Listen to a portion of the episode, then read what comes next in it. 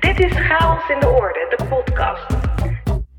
Ik ben Rachel Levy en in deze podcast ga ik ontrafelen hoe we oude patronen kunnen doorbreken en hoe we meesters kunnen worden in creativiteit en innovatie.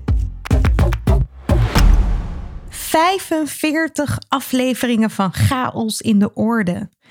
Drie seizoenen van zoeken en gelukkig ook van vinden. En in deze aflevering sluit ik dit derde seizoen af. Het is namelijk tijd voor pauze. Creativiteit heeft ruimte nodig om te ademen. En dat geldt voor jouw creativiteit, maar ook voor die van mij en van mijn team. Pauze is nodig om je te kunnen vervelen. Vervelen is een geweldige voedingsbodem voor creativiteit. Het zorgt ervoor dat je verbeeldingskracht de ruimte krijgt. En niets doen voelt vaak ongemakkelijk.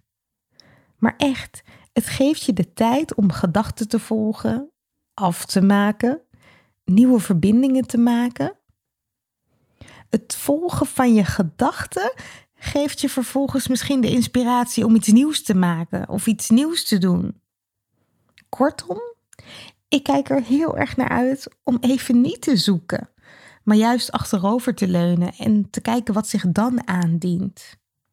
Maar voordat ik wegzak in die lummel- en creatietijd, wil ik natuurlijk heel graag nog de belangrijkste lessen van drie seizoenen chaos in de orde met je delen. Uh, het is tijd om een aantal lessen nog eens extra diep te integreren. Om er echt mee aan de slag te gaan. En soms is dat door iets te doen, maar veel vaker is dat door iets te laten. Hoe zou dat voor je zijn als je door dingen te laten veel meer bereikt? Nou, hier komen ze. 10 inzichten die ik opdeed tijdens deze zoektocht. Chaos in de orde. De zoektocht. Het eerste inzicht. Ja, het allereerste inzicht gaat over de titel van deze podcast: Chaos in de orde. Ik heb gemerkt dat mensen vaak een beetje bang zijn voor chaos. Dat ze dan zeggen: Ja, maar ik wil helemaal geen chaos in de orde. Ik word al zo geleefd. Ik heb al zo'n gejaagde werkroutine. Waarom zou ik daar nou chaos in willen? Geef mij maar een beetje orde. En vanuit die orde en vanuit die rust, ja, dan kan ik juist creatief zijn. Nou, en ik dacht, laat ik eens verklaren dat de titel toch echt is chaos in de orde. Niet chaos boven orde. Chaos voor mij gaat over oude patronen bewust doorbreken. Zien wat nu niet werkt. En vanuit daar kijken, ja, wat wil ik dan anders? En dat je die oude patronen wel een beetje gaat uitdagen en soms ook omver gaat schoppen en de dingen gewoon eens anders doet. Op een manier die veel authentieker is, die bij jou past. Um, waarmee je de dingen op een lichte manier kan doen, op een speelse manier. Maar het gaat er niet over dat er geen grip meer voor je mag zijn. Uh, daarom is het ook chaos in de orde. Het is eigenlijk binnen de kaders, buiten de lijntjes kleuren. Het is tussen de regels de ruimte zien. En het betekent dus niet dat het een soort van, ja, um, veld wordt waarin niemand meer grip heeft, waarin iedereen maar voor zichzelf iets aan het doen is, uh, waarin niemand van elkaar weet wat er gebeurt, uh, waarin het een soort van onoverzichtelijk zooitje wordt. Nee, het is chaos in de orde. dus wees niet bang dat die orde verdwijnt. Maar ik nodig je wel uit om de chaos af en toe op te zoeken. Want als we die niet durven opzoeken, dan blijven we vast in patronen die we met elkaar hebben gecreëerd. En ik ben ervan overtuigd dat je juist in de huidige patronen heel veel onrust uh, ervaart. Dus heel veel negatieve chaos ervaart. Want ik zie mensen die worden geleefd van mail naar mail, van notificatie naar notificatie, van overleg naar overleg. Ik heb zelfs begrepen dat tegenwoordig uh, uh, 30 minuten overleg iets is geworden. Dus dat overleggen online juist korter duren. Maar dat mensen daardoor de hele dag 30 minuten achter elkaar steeds met iemand anders in overleg zijn. Nou ja, ik geef het je te doen als dat nu jouw uh, situatie is. En ik pleit toch echt voor het doorbreken van dat soort patronen. Dus daar een beetje meer chaos in brengen, zonder dat ik zeg dat orde niet mag bestaan. Want uh, geef mij een helder kader en daar, daarbinnen kan ik juist super creatief zijn. En uh, dat geldt misschien voor jou ook wel. Dus het gaat niet over chaos boven orde. Het gaat over chaos in de orde. En wat betekent dat voor jou? Het tweede inzicht. Mijn tweede inzicht is dat creativiteit geen wedstrijd is. Daar is nog wel eens verwarring over in teams, omdat mensen dan denken dat ze hun eigen idee uh, kost wat kost moeten bewaken. Dat ze daarvoor moeten vechten. Dat ze zich daar letterlijk hard voor moeten maken. Um, en dat ze dus ook elkaar moeten overtreffen. Want je wil natuurlijk wel met het allerbeste idee komen in een team. En die verwarring die uh, wil ik graag ook uh, doorprikken. Um, of die mythe. Creativiteit is namelijk geen wedstrijd als je op die manier naar creativiteit krijgt, dan krijg je uiteindelijk heel arme ideeën. Want wat je dan zult merken is dat in een team iemand zijn beste idee roept, dat vervolgens probeert te bewaken en alle anderen zijn eigenlijk vooral met hun eigen idee bezig en hoe ze dat eigen idee willen verwoorden.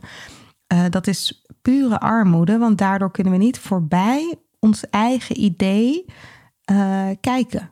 En uh, als we niet voorbij ons eigen idee kijken, dan kunnen we dus ook niet de ideeën van anderen groter maken. Of de ideeën van anderen verbinden aan onze eigen ideeën. Waar, waardoor misschien juist een veel beter idee ontstaat. Hè? Want heel vaak als het gaat over creativiteit, is één en één geen twee, ook geen drie. Maar het kan zomaar eens elf zijn. 1 en 1 is 11 als je met elkaar durft uh, een co-creatie aan te gaan. Dus dat je in een uh, werksessie elkaar niet probeert af te troeven of te overtroeven, of hoe je dat ook zegt. Als je niet probeert elkaars shine weg te halen. Als je niet alleen maar bezig bent met, oh ja, wat wil ik hierover zeggen? Maar echt durft te luisteren. En uh, als dit nou iets is wat je in je team herkent, dat er eigenlijk heel slecht wordt geluisterd en iedereen vooral bezig is met zijn eigen ideeën te benadrukken, dan raad ik je aan om nog eens terug te luisteren naar de aflevering die ik opnam met Elke Wis. Die ging over beter leren denken. Uh, en door beter te denken, door uh, beter te luisteren, door soms te vertragen of afstand te nemen, uh, door echt te blijven bij wat uh, jij zelf zegt en ook wat een ander zegt, zonder daar meteen op aan te haken of overheen te gaan of um, ja, maar er echt even goed bij te blijven, ja, dan kun je ook pas gaan co-creëren. Want dan hoor je iets zonder dat je bezig bent met wat jij daarna gaat zeggen, maar hoor je gewoon iets uh, en kun je ja, veel um, zuiverder denken, als het ware. dan wordt niet je denkruimte al bezet door wat jij ervan vindt. Nee, dan ben je gewoon even in een moment goed aan het luisteren. Wat zegt mijn collega nou eigenlijk? En waarom vindt mijn collega dit idee zo'n goed idee? En zo'n belangrijk idee? En een idee om uh, met ons te delen. En als je dan even loslaat wat jij in eerste instantie had gedacht maar gewoon eens even bij dat idee blijft en bereid bent om dat idee te laten groeien en misschien daarna je eigen idee daaraan te verbinden, ja, dan ontstaan er pas mooie gesprekken. Dus creativiteit is geen wedstrijd. Het is wel een co-creatie. Als jij bereid bent kritisch te kijken naar je eigen houding in een werksessie. Het derde inzicht. Ja, het derde inzicht is dat ik toch nog steeds heel vaak verwarring hoor over wat is nou eigenlijk creativiteit. Uh, dat er toch nog te vaak wordt gedacht of geloofd dat creativiteit iets te maken heeft met originaliteit. Dus dat je ideeën altijd origineel en vernieuwend moeten zijn. Dat innovatie betekent dat je iets bedenkt wat nog nooit iemand op de wereld heeft bedacht. Nou, laat ik je uit de dromen helpen. Uh, welk idee je dan ook gaat bedenken, welk idee je ook zal benoemen, ga er maar vast van uit dat het al ergens op de wereld door iemand is bedacht. Het gaat helemaal niet om of jouw idee een, een heel vernieuwend idee is, uh, of jouw manier van denken onnavolgbaar is. Nee, het gaat erom dat je hè, je niet focust op de originaliteit, maar om de kwaliteit van jouw idee. En hoe je dat idee verder kunt verkennen, verder kunt voeden. Uh, en vaak is dat door het idee de, de ruimte te geven. Dus door uh, als je denkt van nou, we zitten nu op een goed spoor, we, zitten, we hebben nu volgens mij een interessant idee te pakken, of ik heb nu een interessant idee te pakken, dat je het echt even de ruimte geeft om te laten groeien. En dat betekent in heel veel gevallen dat je uh, niet meteen de stap moet maken van een goed idee naar praktische implicaties. Want zodra we het praktisch gaan maken, komen allerlei bezwaren. En daarmee willen we dan nog wel eens het kindje in het badwater, hoe zeg je dat? Uh, weggooien. Of we willen het idee al in de kiem gaan afpellen en, en smoren en kleiner maken en behapbaar en zorgen dat we praktisch helemaal overzien hoe het kan worden uitgevoerd.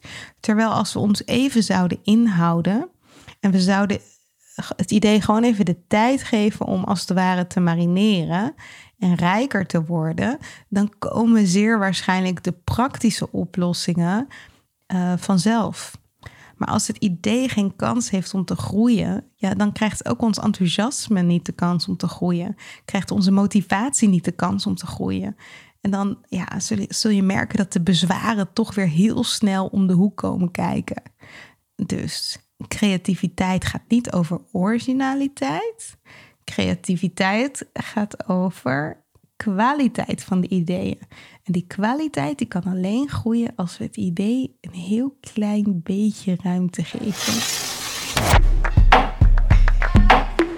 Het vierde inzicht. Het vierde inzicht dat ik kreeg in al die seizoenen is dat uh, we toch nog heel erg geneigd zijn in organisaties om te kiezen voor uh, ideeën die direct resultaat opleveren. Niet alleen ideeën, maar ook activiteiten.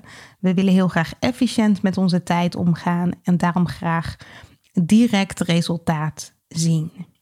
Maar voor creativiteit is het juist nodig dat niet alles wat je doet meteen resultaat hoeft op te leveren.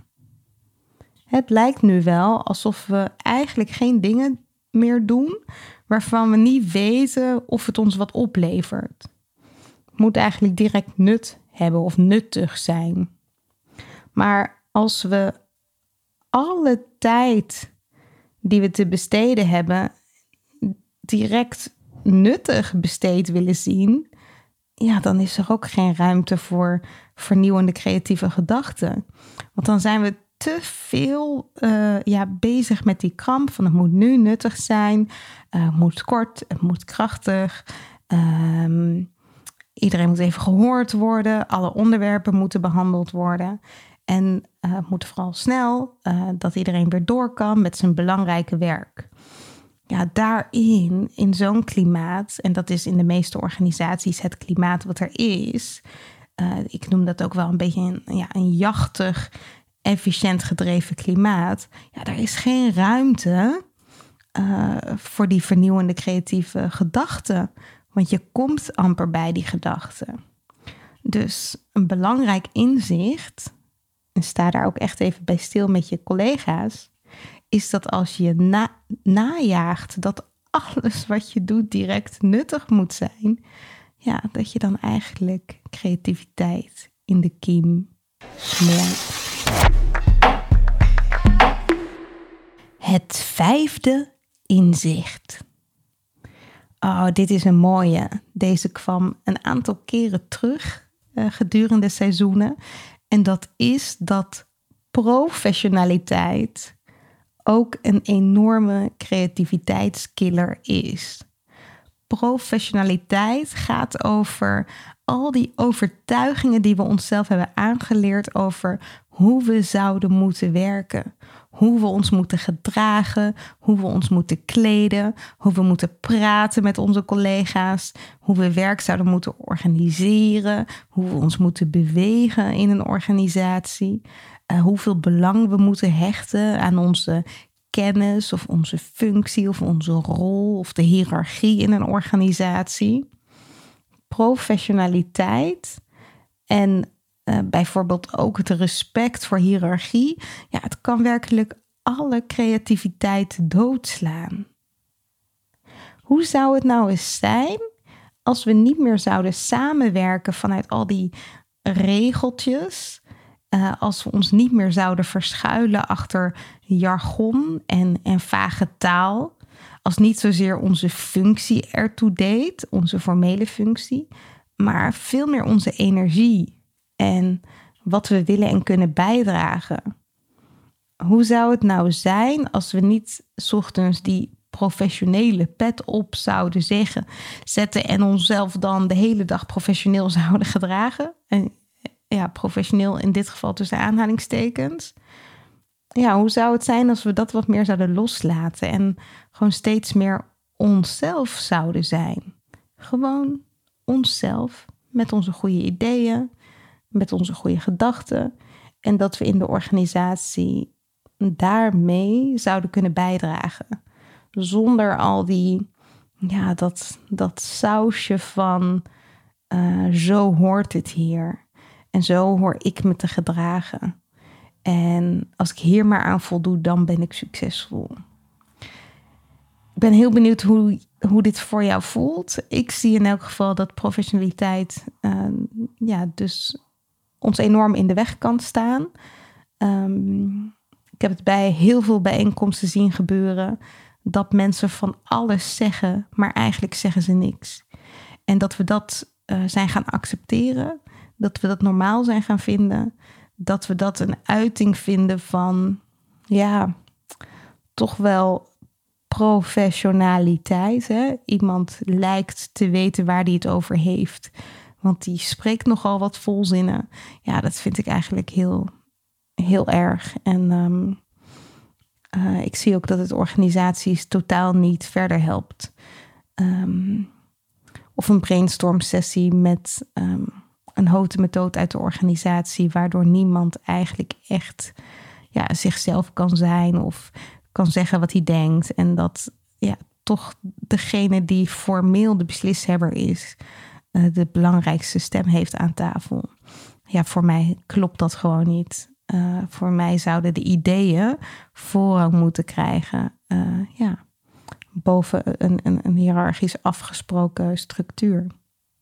Dus laat die even op je inwerken. Professionaliteit. Mag ik dat niet wat meer los gaan laten? Het zesde inzicht.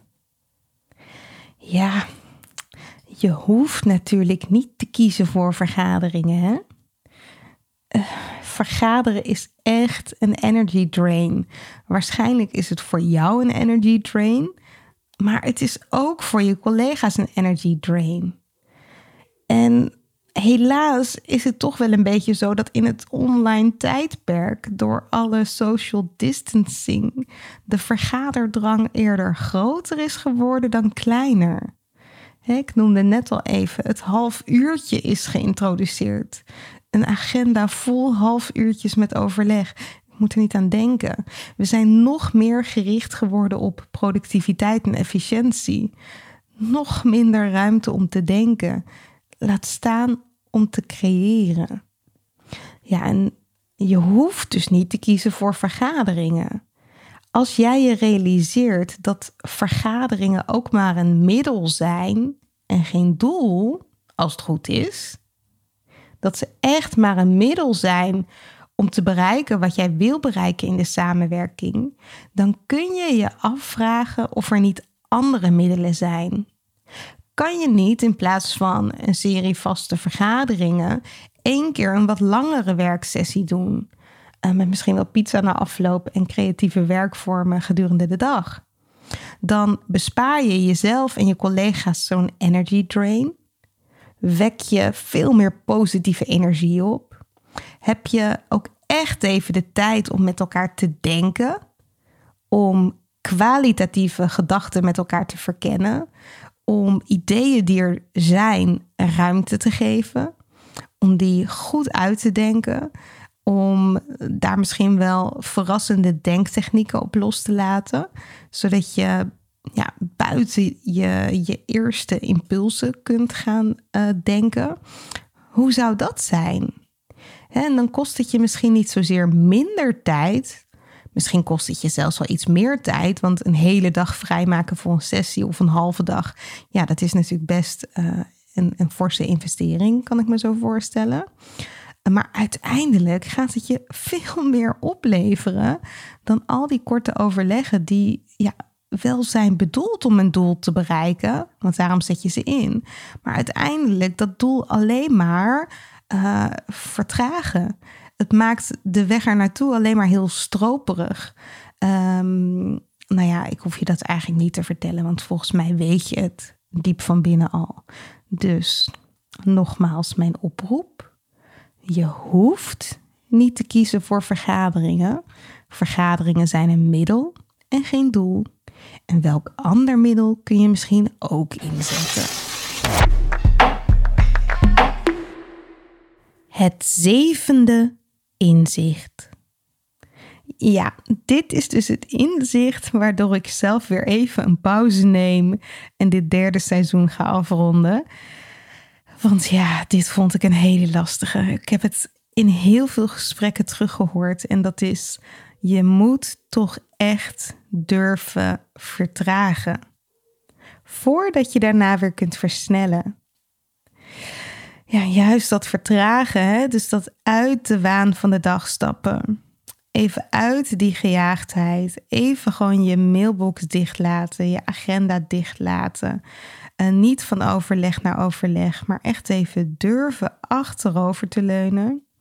Dat is heel erg hard nodig voor ons brein.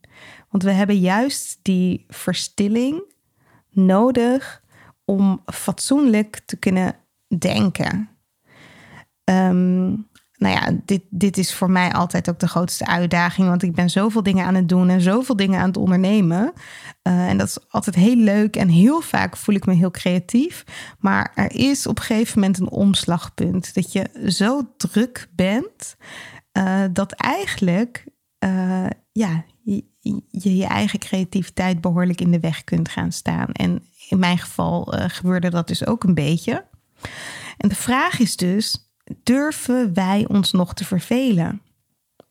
Durven we even die afstand te nemen en achterover te leunen? Ja, ik weet dat dat in een werkomstandigheid heel lastig is, want het voelt vaak als falen. Het voelt vaak als onvoldoende doen. Ehm, toch een beetje gênant naar collega's. Dat jij even achterover aan het leunen bent omdat je ja, wat denkruimte of wat denktijd wil. Maar ja, dat vervelen of dat, dat eventjes afstand nemen van die waan van de dag waar je in zit. Ja, dat is wel de sleutel als je ja, op een gegeven moment doorbraken wil. Hè? Dus die versnelling juist in het denken wil krijgen. je kent het waarschijnlijk wel van je vakantie. De eerste dagen ja, ben je echt nog bezig met gewoon bij te komen. En dan vervolgens begin je te ontspannen. En juist in die ontspanning ontstaan dan ja, nieuwe ideeën, nieuwe plannetjes. En merk je dat je steeds energieker wordt, misschien creatiever wordt. Maar dat gevoel vasthouden, dat is eigenlijk nog nooit iemand gelukt na de vakantie. Want ja, voor je het weet ben je gewoon weer terug in dat gejaagde leven. Waar je to-do-lijst en je mailbox je dag dicteren. Vertragen is echt nodig om te versnellen. Dat is mijn inzicht en ik ga er nu ook naar handelen. En mijn vraag aan jou is: ja, wanneer neem jij eigenlijk pauze? Het achtste inzicht.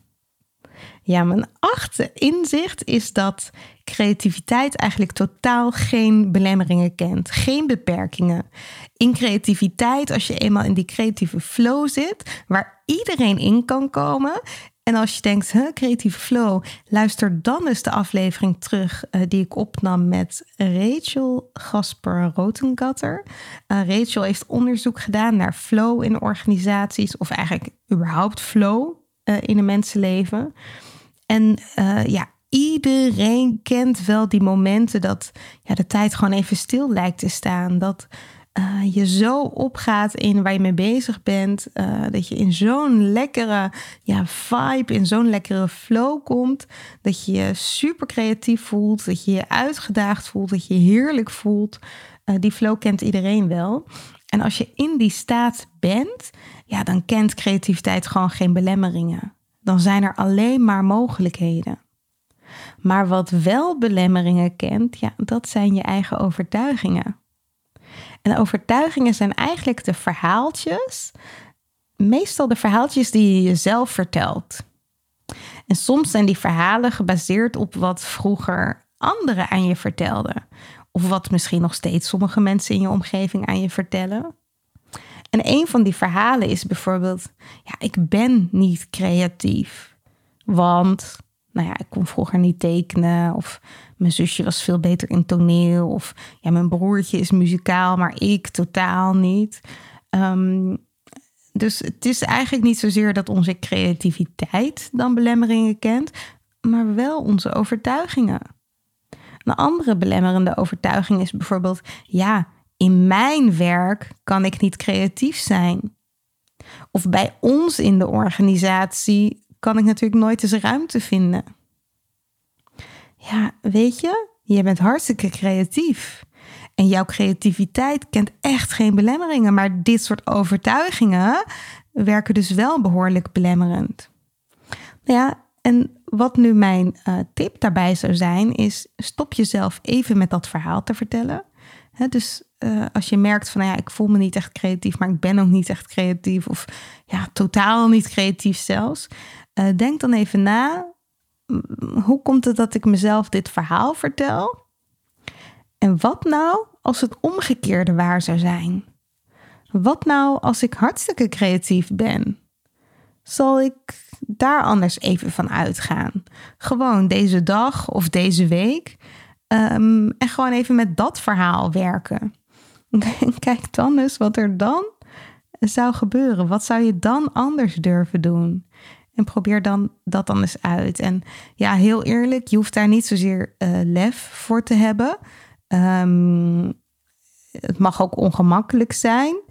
Um, ja, je kunt het gewoon gaan doen met, uh, met dat ongemak.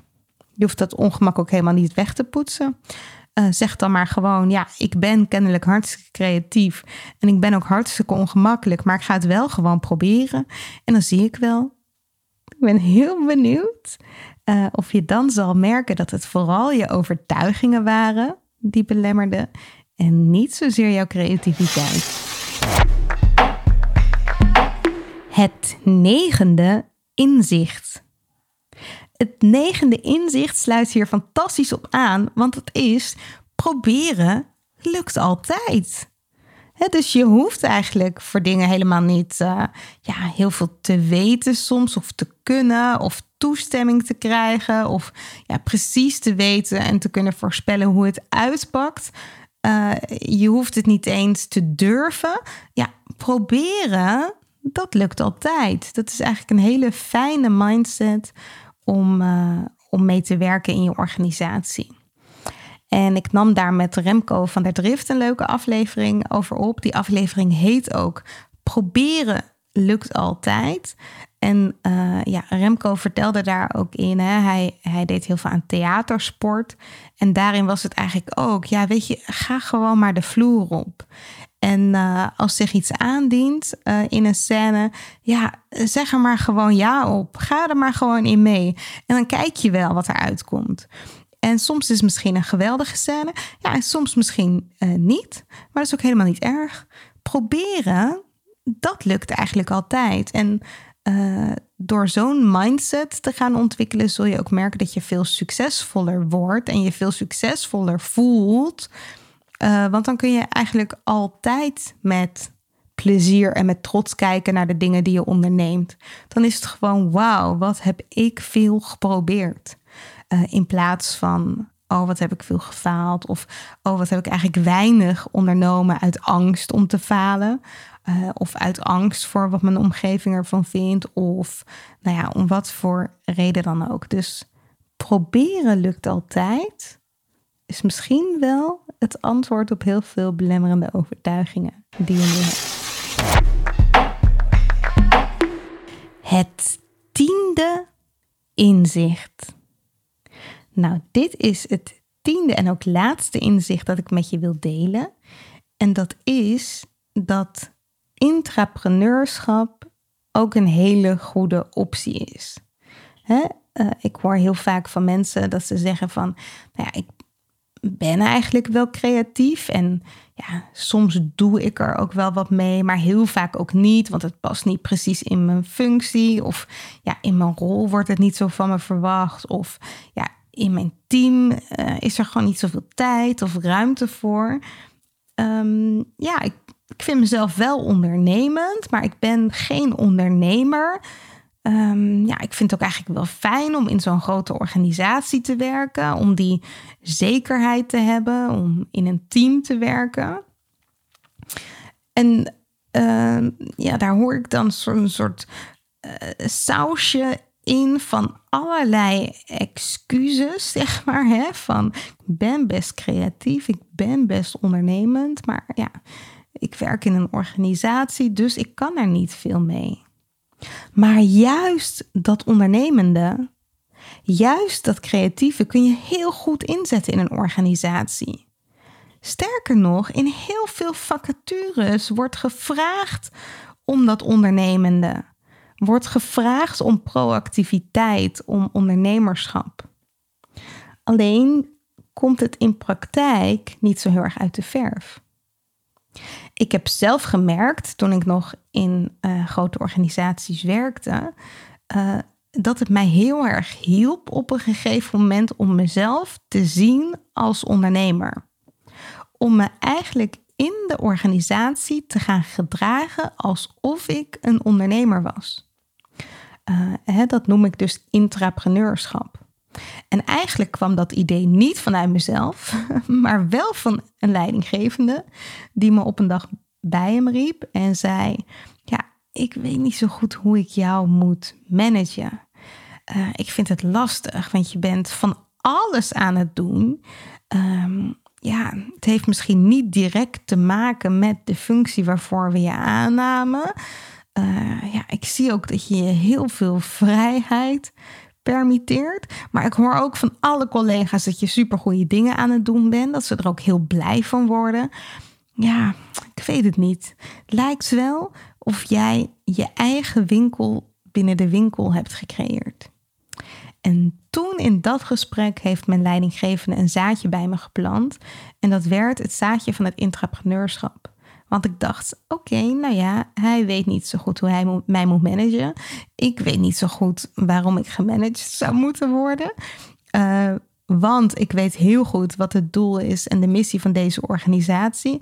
En daar draag ik gewoon vanuit mijn beste kunnen en al mijn talenten iets aan bij. En eigenlijk gaf mijn leidinggevende me ook een vrijbrief. Hè. Dit ging ook wel met een knipoog van ja, ik weet het niet zo goed, dus ik laat je dan maar je gang gaan. Um, en toen ben ik echt van het ondernemerschap intern, dus dat intrapreneurschap voor mezelf een kunst gaan maken. En juist mezelf zien als ondernemer betekende dat ik soms risico moest nemen. Dat ik mijn ideeën moest verkopen. Dat ik voor mijn winkeltje moest gaan staan. Um, dat ik uh, me moest verbinden met anderen. Want ik moest heel goed weten, ja, wat, wat wil mijn klant, mijn interne klant of mijn externe klant? Wat wil mijn doelgroep? Uh, hoe kan ik uh, mezelf meer laten zien in deze organisatie? Hoe kan ik een beetje reclame maken voor mijn creatieve activiteiten? Hoe krijg ik anderen daarin mee? Hoe kan ik mezelf steeds opnieuw blijven uitvinden? Dat waren eigenlijk allemaal kenmerken die hoorden bij dat intrapreneurschap. Ja, en ik vind dat ondernemende geweldig. En uh, ja, organisaties snakken ernaar, ze schreeuwen erom. Dus als jij voor jezelf kunt zien van oké, ik ben creatief, ik ben ondernemend, maar ja, ik voel mezelf niet een ondernemer. Ga dan toch die kwaliteiten inzetten in jouw organisatie. En je zult merken dat als je net een beetje meer risico neemt dan je nu neemt, en net een beetje meer je nek uitsteekt dan je misschien nu doet, en net een beetje meer laat zien waar jouw talenten liggen, eh, in plaats van ze wat weg te houden van je collega's of daar bescheiden in te zijn. Ja, dat je dan hele mooie dingen kunt aantrekken. En uh, ja, gewoon op de voorste rij zit als zich uh, leuke projecten aandienen. dat was in elk geval mijn ervaring. En ik zie het ook bij onze creative changemakers. Dat zodra zij dat ondernemerschap helemaal gaan omarmen ja, dat ze dan ook uh, geweldig werk naar zich toe trekken in de organisatie. En eigenlijk hun rol vaak helemaal opnieuw kunnen vormgeven. Naar hun eigen voorwaarden, rondom hun eigen talenten. En uh, ja, dat is misschien ook wel leuk uh, om even de aflevering terug te luisteren met Judith Webber. Van hokjes naar puzzelstukjes. Ja, dat mensen dan steeds meer gaan puzzelen. Hoe kom ik in deze organisatie het beste tot mijn recht, zodat ik ook deze organisatie het allerbeste kan dienen? Want ondernemerschap is niet iets tegen de organisatie, het is iets wat ja, ontzettend uh, waardevol is voor de organisatie. Dus zie jezelf als entrepreneur en heel veel plezier met het vormgeven van jouw winkeltje binnen de winkel. Chaos in de orde. De zoektocht. Ja, en hoe ga ik nu vanuit al deze prachtige inzichten verder? ik heb mijn nieuwsgierigheid gevolgd. Ik heb allerlei interessante mensen ontmoet, mede dankzij jullie tips. En nu? Wat hoop ik eigenlijk nog te vinden? Wat hoop jij nog te vinden? Als ik ergens nieuwsgierig naar ben, is het of er iets gaat veranderen. Nu organisaties na die volledig digitale tijd weer een weg en een vorm aan het vinden zijn voor samenwerking. Bestaan er in de toekomst nog wel kantoren? Is een organisatie nog wel als organisatie georganiseerd? Kijken we anders naar werk of naar de manier waarop we dat werk aanpakken? Ik ben vooral nieuwsgierig naar wat wil veranderen. Want als we begrijpen wat wil veranderen, is het zeer waarschijnlijk dat het ook in die richting zal veranderen. Ik wil niet alleen horen hoe experts hierover denken of trendwatchers. Ik wil weten wat bij jou leeft, bij jouw collega's. We gaan broeden op een vorm om deze zoektocht inclusiever te maken, collectiever ook. Zo chaos in de orde iets is, is het een beweging. Een beweging die al gaande is. Een beweging waar wij soms woorden aangeven, waarin we mensen voeden, op weg helpen, inspireren en ruimte geven om elkaar te vinden. Maar chaos in de orde is niet iets van mij of van ons. Chaos in de orde is net zo goed iets wat in jouzelf leeft, wat in jouw omgeving leeft. Ben je nieuwsgierig hoe chaos in de orde verder vorm krijgt? Ja, blijf dan vooral geabonneerd op dit kanaal. zet een notificatie aan. Dan ben jij de eerste die het hoort. En wil je nou niet wachten tot er iets verandert, maar zelf aan de slag om verandering te brengen? We doen dit dus samen. En op 2022 creëren we weer een geweldig chaos in de orde werkfestival. Het werkfestival voor organisatievernieuwers.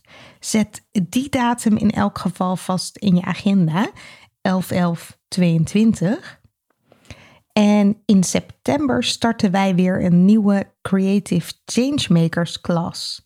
En daarin word je door mij en mijn collega's opgeleid en ook gecoacht om in jouw organisatie je eigen intrapreneurschap vorm te geven.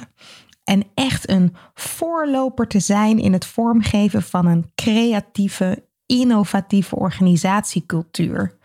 Dit is een geweldige opleiding voor iedereen die echt iets in beweging wil brengen. En je vindt de informatie op chaosindeorde.nl slash creative changemakers. Creativiteit, innovatie. Het lijkt omgeven door een mysterieuze mist. Een geheim voor briljante breinen en getalenteerde kunstenaars. En toch, het moet toch voor iedereen toegankelijk zijn?